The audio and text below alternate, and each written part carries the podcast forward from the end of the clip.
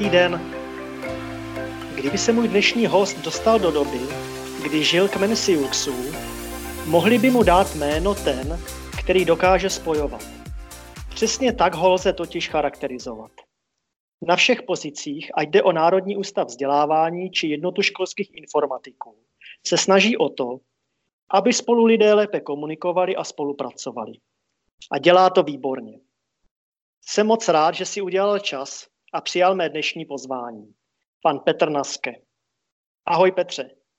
Ahoj Jardo, děkuji za pozvání. Je dnes obecně těžké lidi v oblasti vzdělávání a technologií mezi sebou napříč různými skupinami vzájemně propojovat, protože se zdá, že jsou možná stále hodně uzavření v rámci jedné zpřízněné komunity nebo platformy. Každopádně díky za tuhle první otázku i vlastně za to označení indiánským jménem. Myslím si, že že vlastně z historie, kdy jsem byl ve vedení jednoty školských informatiků už v názvu jednota, která má spojovat, a teď vlastně v Digikoalici, kde taky spojujeme, tak vlastně z definice máme vlastně v zadání nějakým způsobem lidi propojovat. A jestli se ptáš, jestli je to jakoby složitější, tak myslím si, že jakoby těch příležitostí je vlastně o hodně více, než kdysi bývávalo, protože vlastně technologie nám obecně přinášejí možnost se více propojovat, více vidět vlastně za horizont nějakých kontaktů, které máme, ale o to vlastně složitější je nějakým způsobem pojmenovat vlastně vlastní potřebu, potřebu těch druhých a jakým způsobem vlastně najít k sobě cestu. Takže troufnu si říct, že vlastně to, že máme víc jako možností, víc jakoby technických vymožeností, ale o to více to těžší najít vlastně ta správná propojení, což bychom pak mohli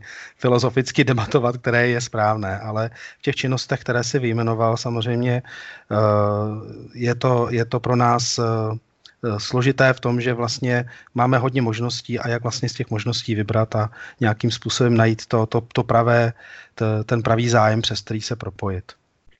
Ty působíš eh, v Národním ústavu pro vzdělávání jako manažer projektu Podpora práce učitelů a taktéž jako tajemník Digikoalice a současně v jednotě školských informatiků, nyní jako člen výboru a dříve její dlouholetý předseda. Která role na uvedených pozicích je pro tebe řekněme, nejinspirativnější a která je největší výzvou? Tak v tuhle chvíli vlastně nejvíc energie a nejvíc času věnuji projektu Podpora práce učitelů. My vlastně v projektu uh, podporujeme české učitele mateřských a základních škol, aby viděli příležitosti v rozvíjení matematické, čtenářské a digitální gramotnosti v praxi, v běžné praxi školy, to znamená, eh, aby i učitel například zeměpisu viděl příležitost eh, v tom, že když má žáky v hodinách, že s nimi může rozvíjet základní gramotnosti, včetně té digitální, která nás možná bude zajímat dneska nejvíce. A tady ta moje práce je pro mě v tuhle chvíli nejvíc, eh, jako je nejvíc náročná, ale zároveň nejvíc inspirující, protože vlastně jako manažer projektu pracuji s lidmi, Eh, snažím se vlastně nacházet řešení té inovace, kterou pro český vzdělávací systém vlastně ověřujeme a zároveň vlastně byla v, na, v náš tým vložena důvěra, že za evropské peníze, které jsme získali, nějakým způsobem přineseme českému vzdělávání uh, něco, co bude mít dopad, co bude smysluplné a co, co lidem pomůže. Takže v tomhle je to pro mě jakoby největší výzvou a největší inspirací. Uh, musím říct, že nejvíc jako kdyby Eh, takových jako drobných, eh, drobných zážitků eh, zažívám s Digikoalicí, protože tam vlastně v tuhle chvíli propojeme hodně různých aktérů s různými vlastně potřebami a je to vlastně hodně takové jakoby zajímavé, že tam se objevuje takových největší, nejvíc jakoby uh, nových kontaktů a vlastně nových příležitostí. Ale myslím si, že teď to mám nastavené velmi, velmi v nějaké rovnováze. Hodně se mi stýská po učení dětí, protože ještě do minulého roku jsem jsem byl aktivním učitelem informatiky a matematiky na základní škole, takže uh, tam samozřejmě, kdyby se mě ptal před rokem, tak pro mě vždycky největší inspirací bylo to, když jsem uh, nějakým způsobem se postavil před třídu a, a řešili jsme ty věci přímo s dětmi, ale jsem rád, že teď vlastně i v tom systémovém projektu nějakým způsobem navazuji na tu moji učitelskou praxi a uh, můžu vlastně to tady zúročit. No k tomu učení se ještě určitě dostaneme. Jak vypadá tvůj běžný týden? Nebo možná běžný den? Já mám pocit, že jsi neustále v jednom kole, mezi všemi výše uvedenými institucemi a projekty. Dá se to vůbec všechno stíhat a co děláš, když máš zrovna hodinku volna?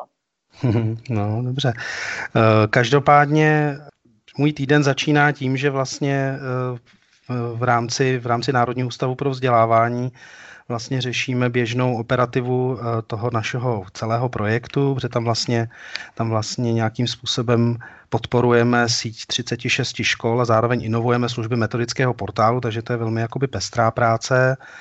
A samozřejmě věnuji svůj čas také rodině, snažím se věnovat se Eh, mým, dvoulet, mým dvou eh, tříletým klukům a sedmileté dceři, takže to si myslím, že doufám, že mi stále zbývá čas i vlastně nějakým způsobem eh, s nimi zažívat ty jejich, ty jejich radosti dětství. A když mám čas, když se ptáš úplně konkrétně, co dělám, když mám hodinu času, tak věnuji se, věnuji se už 20 let zpívání ve sboru, takže tohle je taková, taková, takové moje hobby a když mám, když chci relaxovat, tak eh, využívám různých možností, nějaký bazén, sauna nebo na kole. Eh, a jak vypadá tvé pracovní workflow? Které aplikace používáš ke své každodenní práci a bez kterých by si už svou práci dneska nedokázal vůbec představit? Hmm. Pěkná otázka. No každopádně možná vás překvapím, ale uh, jsem člověk tušky a papíru. To znamená, já dost často Uh, mám, mám vlastně, používám normálně takový jakoby sešit, kam si zapisuju, zapisuju všechny podněty za celý den a pak s těmi poznámkami pracuji. Uh, v té digitální podobě vlastně uh, naučil jsem se, naučil jsem se používat Trello na nějaké řízení samozřejmě úkolů a hlídání termínů a uh, hodně mi pomáhá nějaká organizace, organizace e-mailových zpráv a takovýchhle věcí, což samozřejmě patří k běžný, běžný rutině. Přemýšlím, jestli tam mám něco úplně takového, nějakou vychytávku. Uh, myslím si, že ta kombinace vlastně té práce s nějakým jako papírovým vstupem, kdy, kdy si prostě píšu poznámky a pak jednou za čas vezmu zvýrazňovač a, a procházím těmi zápisky a různými lejstry a nějakým způsobem něco z toho zdigitalizuji, něco z toho přepisuju na další papíry, tak to už tradičně, když jsem studoval, tak jsem byl takový, takový typ přepisovač. No. Co já si přepíšu a napíšu, to si zvědomím v hlavě a samozřejmě, kdyby mi v tom technologie víc pomáhaly, tak bych třeba přešel časem k používání nějakého pera a nějakého tabletu ale zatím jsem teda hodně papírový. No. No a ta další otázka, myslím, že uh, ta ti úplně bude sedět na tělo. Uh, chci se tě zeptat na projekty. Tak ty se setkáš se spoustou řadu projektů za celý rok a um, jsou nějaké, které tě za ten poslední rok, řekněme, nejvíc zaujaly a proč zrovna tyhle ty? A projekty myslíš eh, běžný vlastně aktivity, jakoby v tom nějakém širším slova smyslu, jenom abych jako... Mm, může to být, mm, ano, prostě mm. někde nějaká instituce nebo skupina mm. prostě chce mm. zorganizovat nějakou větší aktivitu typu projektu, mm. co mm. třeba dlouhodobějšího. No, tak je pravda, že kolem Digikoalice vlastně nejvíc e, zažívám vlastně Eh, kontakty na různé startupy a energii vlastně lidí, kteří věří, věří v nějakou jako zajímavou inovaci eh, a zajímavý vlastně jakoby potenciál toho, co jako konkrétního dělají. Takže když bych měl nějaký konkrétní vyjmenovat, tak eh, třeba v, v síť Coder Dojo klubu, to jsme, to jsme velmi rádi, že jsme nějakým způsobem navázali spolupráci, jde vlastně o kluby programování Eh, kdy vlastně dobrovolníci se věnují dětem eh, ve výuce vlastně IT a programování, ale vlastně je to celosvětové hnutí, kdy, kdy, eh, kdy opravdu to celé stojí na tom, že to je zadarmo, že ty, to místo, ty podmínky vlastně poskytování té výuky musí být jako poskytnuty zadarmo, děti to mají zadarmo, lektoři tam fungují zadarmo. A bylo třeba pro mě velmi zajímavé Eh, zažít tu energii kolem tohohle projektu v, v nějakém jakoby protikladu k tomu, kdy my vlastně řešíme dlouhodobě, že třeba i na placených kroužcích, které jsou rodiče ochotni platit, tak vlastně nejsou lektoři, nejsou lidi, kteří by, eh, kteří by ty kroužky vedli. Takže vlastně pro mě je zajímavý tady, tady, tady ta energie. To samý mě napadá, máme mezi členy Digikoalice portál eh, Učitelnice, A to třeba pro mě bylo zase zajímavé, že to je vlastně nějaký český portál pro učitele, kde si učit, je to po vzoru amerického Teachers Pay Teachers a vlastně e, učitelé tam vytvářejí nějaké svoje materiály, ale e, vlastně dávají je ostatním učitelům a, jakoby uživatelům za úplatu. To znamená, byla, zase byl velmi zajímavý jakoby rozhovor, když k nám vstupovali, vstupoval tenhle portál do DigiKoalice, tak vlastně, jak, jak vlastně v jejich příbězích se zobrazuje to, že eh, když učitel něco vytvoří a dá to zadarmo někde na internetu, tak ne vždycky dostane vlastně reálnou zpětnou vazbu, ne, nejsou tam vlastně, eh, nenastaví to nějakou komunikaci, ale když třeba paní učitelka něco udělala, nějaký svůj první pracovní list a viděla, že si to třeba dalších 30 učitelů za těch 50 korun za kus koupili, tak eh, vlastně se tam objevily nové příběhy, protože najednou bylo vidět, že i my jako lidi potřebujeme zpětnou vazbu a chceme vlastně uh, slyšet, jestli s těmi našimi věcmi se pracuje dál. Takže vlastně uh, beru si z těch všech projektů vlastně takovéhle um, takovéhle jakoby přesahy, které jsou pro mě zajímavé jako z hlediska nějakých principů. No, jestli ještě čas, ještě bych zmínil třetí, kdo neznáte EduForum, to je pro mě dlouhodobě vlastně taková hezká Eh, hezká inovativní záležitost, kdy vlastně můžete, organizují se akce takzvaných EduFor, kdy se sejde vlastně pět různých projektů a každý má jenom pět minut na to, aby prezentoval, co vlastně dělá. A je třeba zajímavý, když na takový akce přijdete, že právě ten formát pěti minut ukazuje, jak, jak vlastně i když máte pocit, že vás nemusí zajímat projekt třeba vzdělávání seniorů, tak prostě posloucháte, jak to ten projekt má a prostě dá se přežít pětkrát pět minut plus nějaká diskuze. A my jsme třeba tenhle formát zkusili eh, před nedávnem na v Digikoalici a myslím si, že se to velmi osvědčilo a že vlastně si beru z těch, přesně z těch věcí nějaké, nějaké přesahy, principy do, do běžné práce. To je moc pěkný. No a teď se dostáváme k té tvé učitelské profesi. A když si mm-hmm. vzpomeneš na své učitelské roky, to tady zase tak daleko zpátky, co tě tenkrát, řekněme před tím rokem nebo zpátky ještě víc, v roli učitele nejvíc překvapilo? A je situace v tomto směru dnes jiná a mohlo by tě dnes něco překvapit? No, když se ptáš takhle obecně, tak uh, uh, samozřejmě pro mě největším jako překvapením v celé té mé jako kariéře učitele bylo, když, eh, když jsem vlastně jako absolvent matematicko-fyzikální fakulty musel eh, všem kolegům, kamarádům vlastně vysvětlovat, proč vůbec jsem šel učit na základní školu.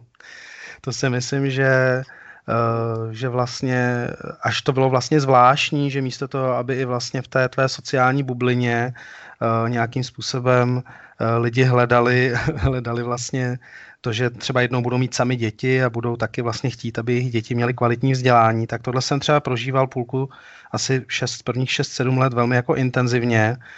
A třeba jestli můžu si tady z mý pozice dovolit nějakou, nějakou radu nebo zkušenost, tak třeba mě hodně pomohlo mě hodně pomohlo, že jsem mohl vlastně už od začátku si nějak jako mm, různě pestře eh, poskládat vlastně to moje učitelování, že jsem mohl třeba eh, školit kolegy, učitele, vést nějaký projekt ve škole, že tohle si třeba myslím, že je jedna, jedna jakoby past českého vzdělávání a školství, že vlastně se toho na učitele valí strašně moc, protože jakmile mají plný úvazek, Eh, plný úvazek ve škole a do toho prostě dozory v jídelnách a, a různé, různé prostě péče, péče o rodiče a v dnešní době e-mailová komunikace a tak dál, tak opravdu toho času to se bere hodně.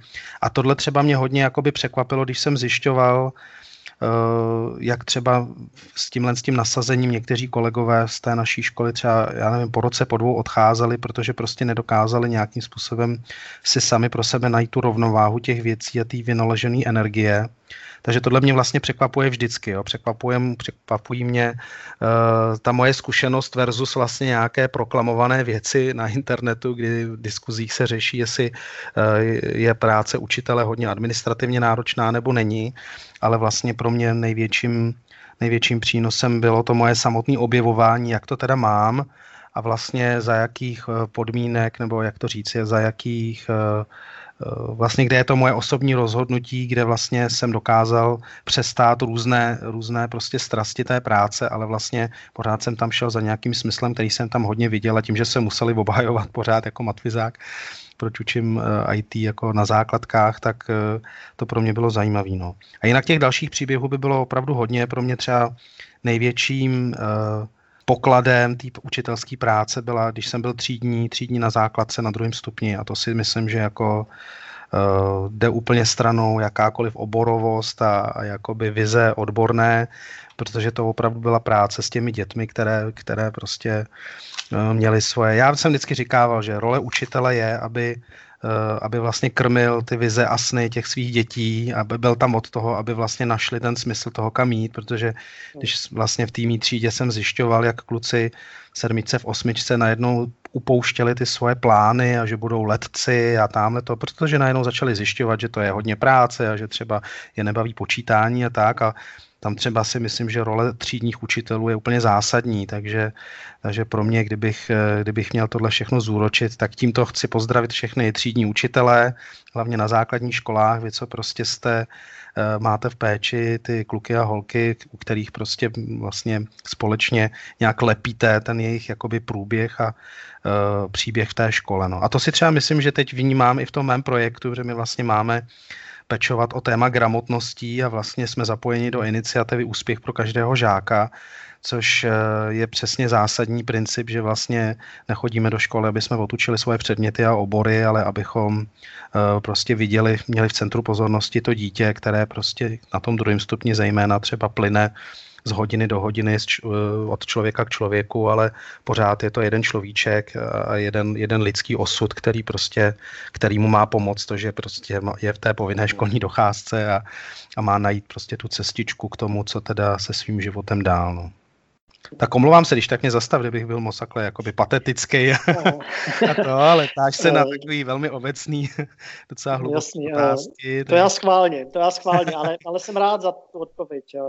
Ono s tím souvisí ta další otázka, ehm, která eh, cílí hodně na učitele ICT. Jak ty vnímáš jejich roli na dnešních základních a středních školách a eh, bude se ta jejich role do budoucna měnit a řekněme v deseti letech a jak podle tebe se změní? Pravděpodobně se změní, ale jak, jestli máš nějakou představu?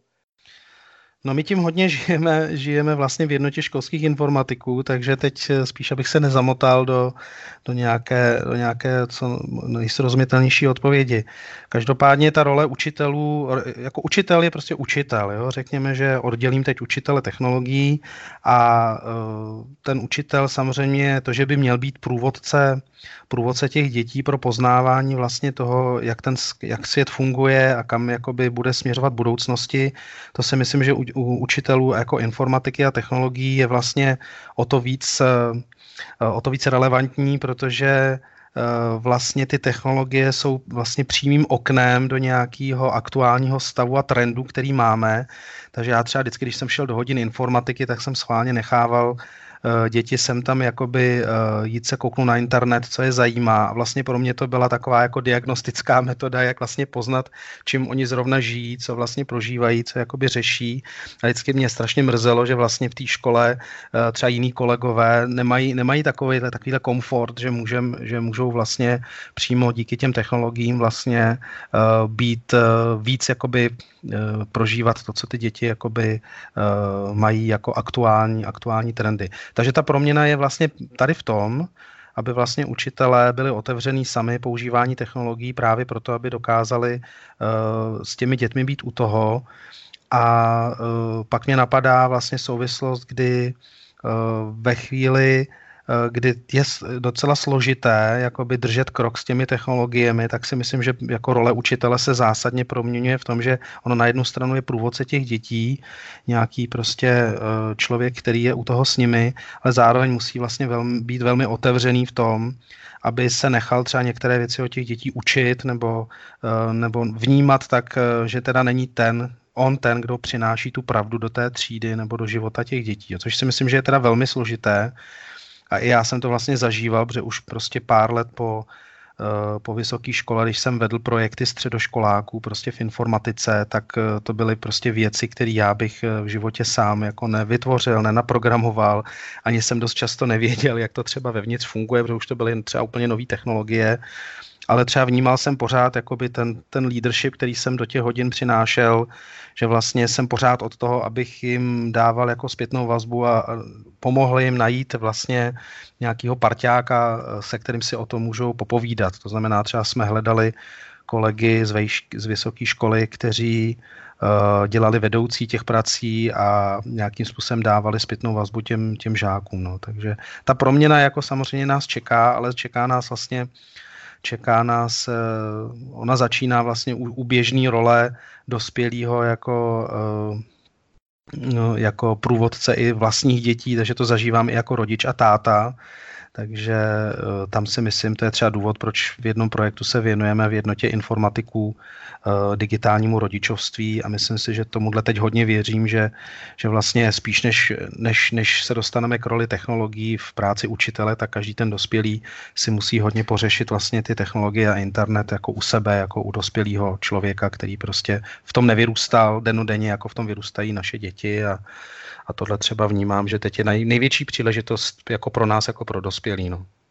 Pojďme se teď vžít do situace, že si dostal pracov, nabídku na pracovní pozici ve vzdělávání v zahraničí a mohl by si vybrat konkrétní zemi a tu vzdělávací oblast.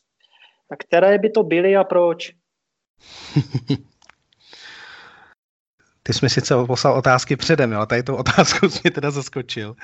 Přemýšlím, jestli mě se chce vůbec jakoby jezdit do zahraničí, ale dobře, hypoteticky. Hypoteticky uh, rád, bych, rád bych řešil vlastně uh, jakoby nějakou, nějaký vztah k přírodě, tak dobře, začnu úplně někde jinde. Jako řešil bych to, že bych rád nějakým způsobem chtěl tou cestou, uh, protože žiju v Praze, tak prostě moc si té přírody neužiju, tak to by bylo asi jeden jako parametr. A kdybych vlastně mohl nějakým způsobem uh, být teda v kontaktu víc s přírodou a zároveň, uh, zároveň se tam vlastně dostat do, do takové podpory a do takového systému, kde Eh, kde vlastně eh, člověk opravdu může hodně řešit eh, vlastně to jádro, to jádro, proč je třeba tady pro děti a pro to vzdělávání a podporu vzdělávání ostatních, takže to nevím, jestli takový stát někde existuje, kde prostě nemusí učitel, nemusí učitel řešit prostě kopírování všeho a uh, administrativu od A do Z, takže takový stát by se mi líbil. No stát, kde prostě přijdu do školy, bude tam Eh, bude tam ředitel, který je podporován, ať už ministerstvem nebo, nebo svým zřizovatelem v dostatečné míře, ředitel, který může eh, se věnovat rozvoji těch lidí. A chtěl bych, chtěl bych buď pomáhat takovému řediteli, aby vlastně jsme tam nastavili nějakou atmosféru v té, eh, v té v té škole nebo v tom systému a zároveň, aby vlastně to teda bylo, nebylo v nějakým v nějakém prostředí, který teda je úplně otržený od přírody. No. Tak jestli stačí takhle, jsi mě překvapil no, tou otázkou. Určitě, no. je to skvělý.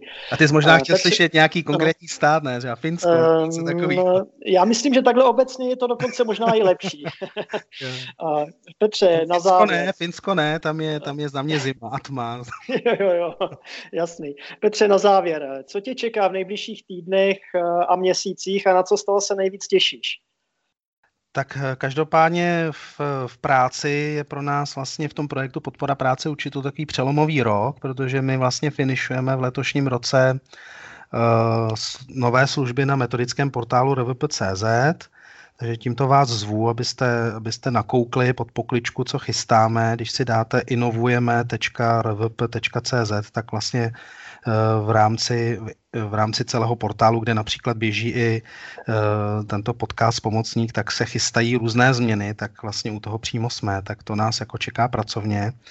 A druhá taková část vlastně pořád eh, se věnujeme v tom našem projektu gramotnostem a, já třeba vnímám největší příležitost letošního roku, že po celé republice eh, fungují místní akční plány, projekty místních akčních plánů, kde vlastně to, na co se směptal na začátku, kde že vlastně propojujeme lidi, organizace, tak vlastně ministerstvo školství eh, v tom svém operačním programu dalo vlastně do celé republiky signál, že vlastně je velmi důležité se propojovat v rámci různých komunit a, a vlastně při jako řešení kvality ve vzdělávání. A my právě tam přinášíme jako projekt eh, témata gramotností, která jsou v těch místních akčních plánech jakoby povinným tématem, ale nosíme tam právě i témata technologií. Takže pro mě, pro mě to je hodně takový experiment letošní rok, eh, kdy vlastně si zkoušíme zkoušíme ať už v Digikoalici nebo v tom projektu Podpora práce učitelů, jak vlastně využít ty kapacity a ty možnosti, které třeba ty regiony v těch místních akčních plánech dostaly. No.